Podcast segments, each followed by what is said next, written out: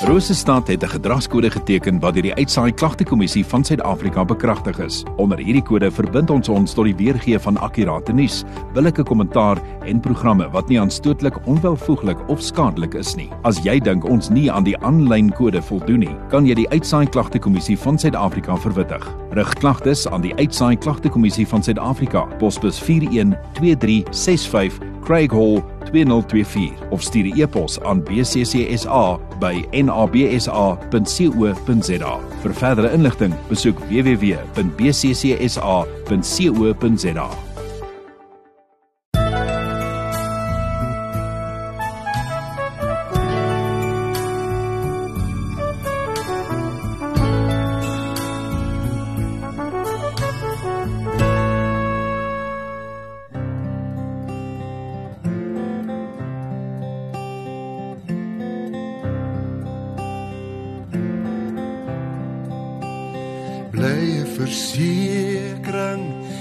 Jesus is myn o wat 'n vreugde heerlik en rein. Ek's wedergebore rein deur sy bloed. Smaak ek sy vrede in my gemoed. Dit is my roemtaal dit is my lief Lof wat ek Jesus ewig sal bied. Dit is my roemtaal, dit is my lied. Lof wat ek Jesus ewig sal bied. Volle versekering, vrede en rus heerlik van Jesus se liefde bewus met my geloofsoog op wat gehou. Rus ek in Jesus se liefde en trou hy is my leidsman hy laat my leef. Hy is oorwinnaar hy is die Heer.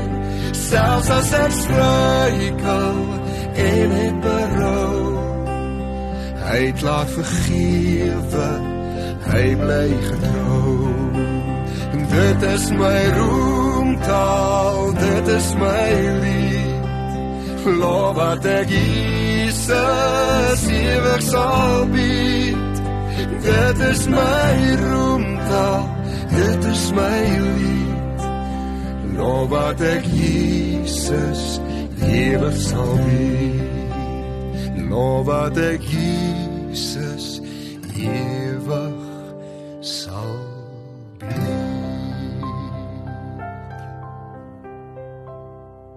Goeienaand.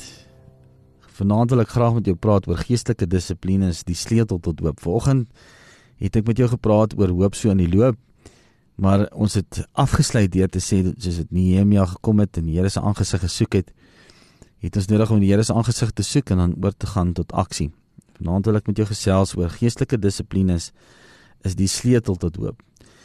Jy sal met my saamstem dat ons leef in 'n era wat alles onnatuurlik is. Alles is kits. Ons leef in 'n 'n era waar daar 'n kits oplossing is. Ehm um, wil jy graag verloor gewig verloor, drink net 'n pilletjie of gaan maar vir 'n operasie. As jy graag iets wil koop en jy het nie nou die spaargeld daarvoor nie gemaak alleen by die bank, dit gaan jou tydelike oplossing wees. Jy gaan miskien dalk later moontlikheid kry, maar dit is nou dadelik tot jou beskikking. Soek jy 'n oplossing vir jou probleme? Kom ons dien die Here vir 'n tydjie. Hoopelik het hy vir ons 'n oplossing. En dan die res van die tyd maak ons dan staat op ons eie kragte. Elkeen van ons het dissiplines in ons lewens nodig. Die grootste probleem in ons era is oppervlakkigheid. Dis ook waar dit by ons geestelike stand kom in Christus. Niemand van ons is bereid om toe te laat dat die Here ons tot op die been kan sny nie. Meeste van ons is gemaklik op die terme wat ons die Here dien.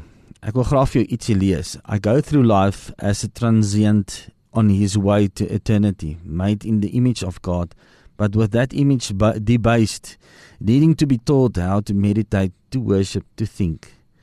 Is in dis daardie wêreldbeeld uh is 'n bietjie van Instagram, 'n bietjie van Facebook, 'n bietjie van die Bybel wat vir ons 'n wêreldbeeld skep.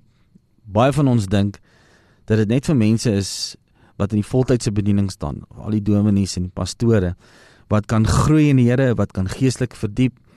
Die res van ons is maar half in die duister en ons elke keer as ons 'n antwoord soek of ons wil iets wil vra rondom die woord, dan gaan vra ons net maar vir 'n geestelike leier. My verkeerd verstaan nie, ek dink nie dit is verkeerd dat die Here geestelike leiers oprig nie.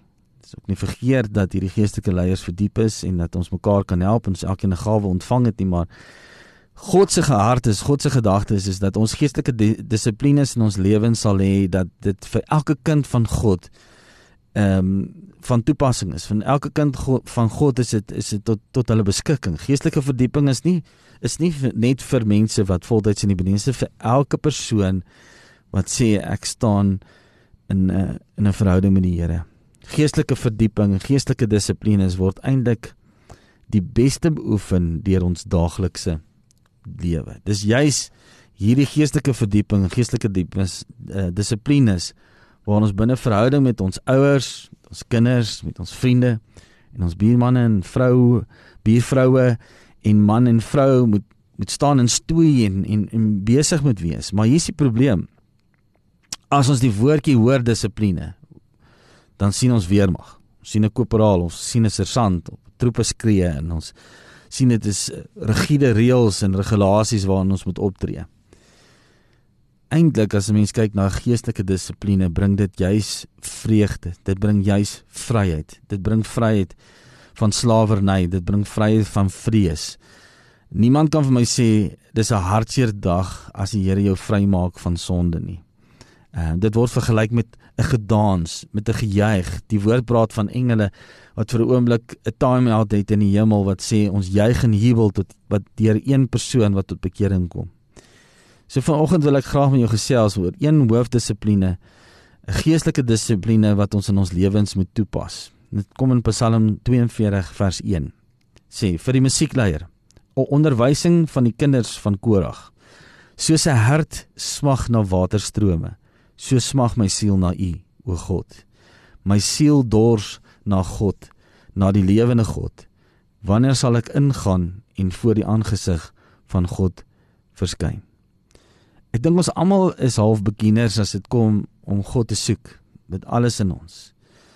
Ek dink mense kan nooit op 'n plek kom waar jy sê ek is nou genoeg vol nie of ek het nou ten volle God in sy grootheid ontdek nie. Dis hoekom Psalm 42 vers 7 sê Deep calls to the roaring deep at the thunder of your water spouts. All your uh, breakers and all your rolling waves have gone over me. Baie van ons het hierdie oproep in ons harte. Ons ervaar dat ons moet ons het 'n uitroep na die die bonatuurlike, na die geestelike riem, na die geestelike groei, na die diepe dimensie. Maar maar maar hier's die dilemma is dat die mens se hart is baie oppervlakkig. Wetenskap sê daar is nie iets soos 'n bonatuurlike nie. Daar's nie daar's net 'n fisiese wêreld. Dit wat jy met jou oë sien is die groter werklikheid. Nou ek het nuus vandag vir jou.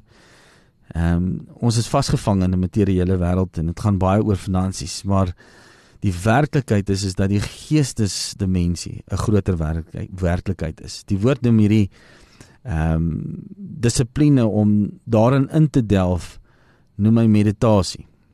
Die innerlike mens wat kom, vasting om te sê Here, ek wil mediteer in aanbidding, ek wil U bedink, ek wil in U teenwoordigheid inkom vasting byvoorbeeld was so algemeen niemand het nodig gehad om te vra daaroor of om te praat daaroor nie. Ehm um, dit was deel van van die volk, deel van van die Ou Testament, selfs die Nuwe Testament was dit deel van hulle daaglikse lewe. Dit was 'n dissipline wat hulle gedoen het waar hulle kort kort gevas het om die Here se aangesig te soek en in sy teenwoordigheid in te kom. So ek ek wil jou ek wil jou uitdaag dat daar sekere geestelike dissiplines, 'n basiese dissiplines is wat jy moet toepas as kind van die Here waar daar verdieping kan kom en waar ek myself kan losmaak van hierdie wêreld en hoop kan bring en dit in aksie kan oorsit en vir mense kan wys. Dit gaan oor niks. Dit gaan my niks help as ek hierdie dissiplines klinies en meganies gaan doen nie want dit kom uit verhouding. Uh, ek staan in 'n verhouding met die Here. So van slawerny kom dit na gegraveerde gewoontes, wil ek sê. Ons as mense is vasgevang in slawerny in die sondige natuur, maar die Here het ons kom vrymaak. Um, Paulus sê in Romeine 3 vers 9 tot 18, mense sukkel met hulle sonde deur die liggaam kom die vleeslike begeertes en ons is gegraveer in sondige gewoontes. Maar 7 vers 5 en sê hy want toe ons in in die vlees was, het ons die sondige hartstogte wat deur die wet kom in ons lede gewerk om vir die dood vrugte te dra. En Jesaja 57 vers 20 sê maar die goddelose is soos 'n onstuimige see want dit kan nie tot rus kom nie en sy waters gooi slyk en, en modder op. Dit vat niks spesiaal om hierdie onstuimige see wat modder en slyk opgooi um, om dit daar te kry nie. Uh, dit vat net 'n normale see. Ek dit hoef nog nie 'n storm te wees nie. Dit is net as die see bietjie rof is, dan word hierdie op ehm um, hierdie slaim op opgegooi um, in die golwe. En ons probeer deur eksterne metodes ontslae te raak van van sondes in ons in ons lewe. Het sy bitterheid, het sy seksuele immoraliteit, hoogmoed, uh, verslawing. Ehm um, en so kan ek aangaan. Ehm um, probeer ons deur ons wilskrag, deur ons uiterlike daarteen te bid. Ek wil vandag vir jou sê Paulus vertel ons dat ons hierdie wilskrag besluit moet neem dat ons in Christus moet wees. Kolossense 2 vers 20 As julle dan saam met Christus die die eerste beginsels van die wêreld afgesterf het, waarom is julle asof julle nog in die wêreld lewe, onderworpe aan insettinge? Soos soos raak nie, smaak nie, roer nie, aan nie ensovoorts. Almal dinge wat deur die gebruik bestem is om te vergaan, volgens die gebooie en die leringe van mense. Want alhoewel dit 'n skyn van wysheid het, in eie sinnige godsdiens en 'n nederigheid en 'n gestrengheid teen die liggaam geen waarde het nie, maar strek tot versadiging van die vlees. Aanbidding van die eie ek dink ek is een van die grootste probleme, die die eie wilskrag. Heine Arnold sê die volgende: As long as we think we can save ourselves by our own willpower, we will only make the evil in us stronger than ever. Wilskrag aanbidding wilskrag aanbidding een woord sal vir 'n kort tydjie sukses behaal maar dan kom die krake in ons lewens. Hoor wat sê Matteus 12:34 adder geslag hoe kan julle goeie dinge praat terwyl julle sleg is? Want uit die oorvloed van die hart praat die mond. Die goeie mens bring uit die goeie skat van sy hart goeie dinge te voorskyn en die slegte mens bring uit die slegte skat slegte dinge te voorskyn maar ek sê vir julle dat van elke ydelle woord wat die mense praat, daarvan moet hulle rekenskap gee in die oor, oordeelsdag. Eventueel kom dit uit wat werklik in jou binneste aangaan. Jy kan 'n front hou vir net so lank. So ek en jy het nodig dat daar ingrype kom. 'n Geestelike dissipline open die deur vir ons. Wanneer ons afstand doen van die idee dat ons dit in ons eie wilskrag kan doen en dat ons in ons eie geregverdiging staan voor die Here en ons besef dit is net die Here wat ons hierdie gawe gee. Dit is geskenk deur hom. Dan verander ons lewens. Wanneer dit kom uit um, uit 'n verhouding. Ek wil amper sê die Here kom en hy doen 'n inside job. Uh die Here werk van binnekant af buitekant toe. Genade is is is on, is onverdiend. Daar's nie iets ek kan nie genade verdien nie. Ek kan nie geregtigheid verdien nie. Dis hoekom Paulus in Romeine 35 keer sê geregtigheid is 'n gawe. In Romeine 5 vers 17, hy sê want in volge die misdaad van een dood geheers het, deur die een veermeel veer veel meer sal hulle wat die oorvloed van die genade en van die gawe van geregtigheid ontvang in die lewe heers deur een Jesus Christus.